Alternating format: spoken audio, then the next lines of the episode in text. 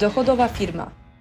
Podcast dedykowany przedsiębiorcom szukającym sprawdzonych strategii w biznesie, które pozwolą im zwiększyć dochody z wykorzystaniem najnowszych trendów i narzędzi na rynku. Dla tych, co działają pomimo wyzwań, cenią etykę w biznesie oraz swój czas. Masz małe dziecko, nie chcesz go z nikim wyzostawiać, równocześnie e, chciałabyś pozostać produktywna i być może dalej rozwijać swoją firmę, albo rozpocząć coś nowego, e, ponieważ wcześniej pracowałaś na etacie i wykorzystać ten okres macierzyństwa. Pokażę Ci, w jaki sposób ja pozostaję produktywna, e, będąc zarówno z moim mężem cały czas blisko naszej córeczki. Kiedy mówimy o produktywności, to jest temat, który mi przyświecał przez bardzo wiele lat, ponieważ każdą jedną minutę zawsze miałam bardzo dużo zaplanowaną, zorganizowaną.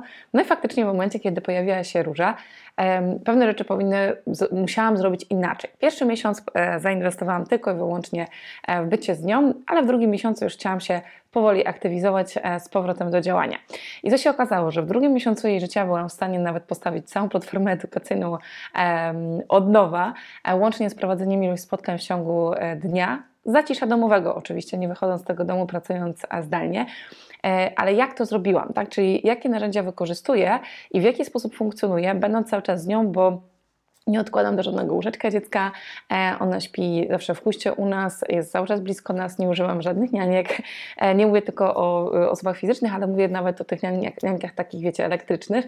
Więc pomimo tego wszystko to udało mi się zrobić. Więc jak? Pierwsza rzecz, e, używam funkcji pisania głosowego. Nie tylko i wyłącznie w momencie, kiedy piszę na telefonie, ale również w momencie, kiedy cokolwiek piszę na komputerze. Nie wiem, jakich aplikacji używasz, natomiast e, ja pracuję zawsze na Google Docsach. E, wszystkie też firmowe tematy mam na Google Appsach, czyli taki Google dla firm pozakładane, więc to jest bardzo podobna forma do tego, w jaki sposób pracujesz na przykład z konta prywatnego na Google. No i tam jest taka funkcja w narzędziach pisanie głosowe. Więc nawet jeżeli potrzebuję mm, coś przekleić, coś wysłać napisane, a nie nagrane do kogoś, albo napisać jakiś dokument, napisać bloga, napisać, e, stworzyłam w ten sposób w ciągu jakichś dwóch, trzech dni e, cały taki dokument z instrukcją 300-dniowego wdrożenia, który ma prawie 40 stron i to wszystko robiłam pisząc głosowo, czyli e, mając tak naprawdę gdzieś tam jedną rękę, jeżeli na przykład róża nie spała, ją karmiłam, to w tym momencie e, mówiłam i głosowo e, zapisywane były słowa, potem tylko po prostu zrobiłam poprawki. E, w momencie, kiedy na przykład miałam już dwie wolne ręce, żeby móc to zrobić.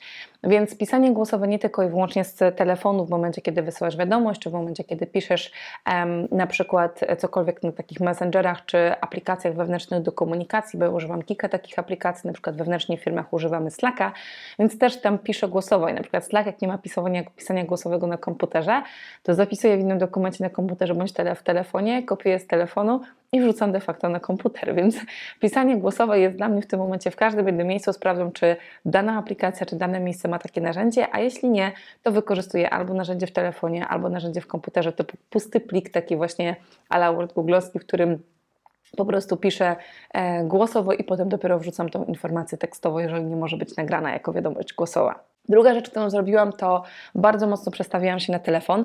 E, śmieję się, bo e, wcześniej nie rozumiałam, dlaczego na przykład często niektóre osoby, które znam, tak dużo różnych rzeczy robią na telefonie, kiedy dużo wygodniej jest to zrobić na komputerze. Teraz to rozumiem jako mama. Mm, faktycznie działanie na komputerze jest dużo mniej poręczne, e, dlatego też pościągałam wszystkie możliwe aplikacje na telefon, które na przykład wcześniej używałam tylko na komputerze. One są ze sobą pointegrowane i nawet jak na przykład robię notatki, ja używam akurat rozwiązań Apple'owskich, więc nawet jak robię w e, odpowiednich narzędziach czy aplikacjach, jest taka aplikacja też Apple'owska do notatek i robię sobie notatki w niej, to automatycznie ona mi się pojawia, pojawia potem w komputerze, jak chcę to wrzucić do właściwego pliku. Więc e, zaczęłam bardzo dużo używać aplikacji. Śmieję się, że nawet zakupy na Allegro, jakieś pieluchy, nie pieluchy robię też z aplikacji na telefonie. Na przykład jak ją usypiam należąco i jestem w stanie faktycznie zrobić to z poziomu telefonu, e, a nie z poziomu komputera, jeszcze wygaszając, żeby nie było, nie świeciło, żeby też nie było to dla jej, na jej widoku oczu, jeżeli chodzi o światło z ekranu, tylko dalej mając mocno wyciągniętą rękę. Tak więc e, to jest jakby druga rzecz. Aplikacje, aplikacje, aplikacje. Okazuje się, że w większości przypadków narzędzi, które używasz, znajdziesz aplikację na telefon i po prostu jest to kwestia przestawienia się, żeby w ten sposób je używać. Tak jak powiedziałam wcześniej, wszystko powinno być zintegrowane pomiędzy telefonem a e, komputerem. Nie wiem, jakich narzędzi używasz. Dużym plusem jest faktycznie to, że wiele aplikacji, które e, na przykład ja używam na iPhone'ie, no to również po prostu mam podłączone na komputerze, więc one są sobą pointegrowane i to faktycznie ułatwia życie, bo ja nie muszę poświęcać czasu na to, żeby przerzucać coś z jednego miejsca do drugiego miejsca, tylko po prostu automatycznie wchodząc na komputer, jak chcę kontynuować już na przykład z dwoma rękoma, czy będąc przy komputerze, to jestem w stanie to zrobić po prostu od razu, tak, bo te informacje zapisane wcześniej na telefonie już mam, tak jak podawałam przykład em, na przykład notatek, tak, czy em, właśnie kwestia nawet zapisywania czegoś w wyszukiwarce, jeżeli czegoś szukałam. Kolejna rzecz to jest kalendarz, ponieważ ja zawsze planuję wszystko w kalendarzu i nadal mam ten nawyk, pomimo tego, że nie siedzę tak naprawdę cały dzień przy komputerze, czy e, ten czas, kiedy pracuję przy komputerze, ale po prostu to, co zrobię, to, co robię, to nawet w telefonie mam oczywiście aplikację ściągniętą. Ja używam Google Kalendara, mam aplikację ściągniętą na telefon, więc wszystkie rzeczy, które planuję, automatycznie dorzucam do kalendarza. Nawet jeżeli jakieś mam mikrozadanie, które chcę danego dnia zrobić, to na górze kalendarza można włączyć opcję zadań i również w tym miejscu po prostu mm, dodaję zadanie, żeby mi nie uciekło, e, bo wiadomo, że w momencie, kiedy nie jestem w takim trybie, że cały czas mam pracę, tylko tak jakby blokowo pracuję, tak, coś robię, potem jest, już jestem tylko z małą, potem znowu coś robię, jestem znowu z moją różyczką i w momencie, kiedy na przykład poświęcam czas jej, uwaga, kiedy ona nie śpi, no to po prostu jestem z nią, tak, więc w tym momencie po prostu nie pracuję. Wpisywanie wszystkiego w jedno miejsce, planowanie wszystkiego, co chcę zrobić po prostu w kalendarzu pozwala mi utrzymać pamięć wszystkich rzeczy, które są do zrobienia, e, ponieważ mm, wiadomo, niedospane noce wieczorami e, czy nocami też powodują, że to nie jest tak jak przed urodzeniem dziecka, że wszystko miałam w swojej głowie, oprócz tego, że miałam kalendarzu. Więc warto po prostu zapisywać to w jednym miejscu. Nawet jeżeli nie wykorzystujesz aplikacji na przykład do różnego rodzaju zadań, bo jeżeli wykorzystujesz, to być może to będzie miejsce, gdzie te rzeczy będziesz wpisywała. Tak czy tak, planując dzień, e, to o czym mówię na moim kanale, to mówię też o tym w ogóle, jak planować na kalendarzu, jak pracować z kalendarzem, dlaczego kalendarz to jest Twoja po prostu droga na każdy dzień e, i wszystkie najbardziej efektywne osoby, które bardzo duże sukcesy osiągają, planują, swoją pracę w ten sposób, że wszystko mają w kalendarzu. Ja od lat też tak robię.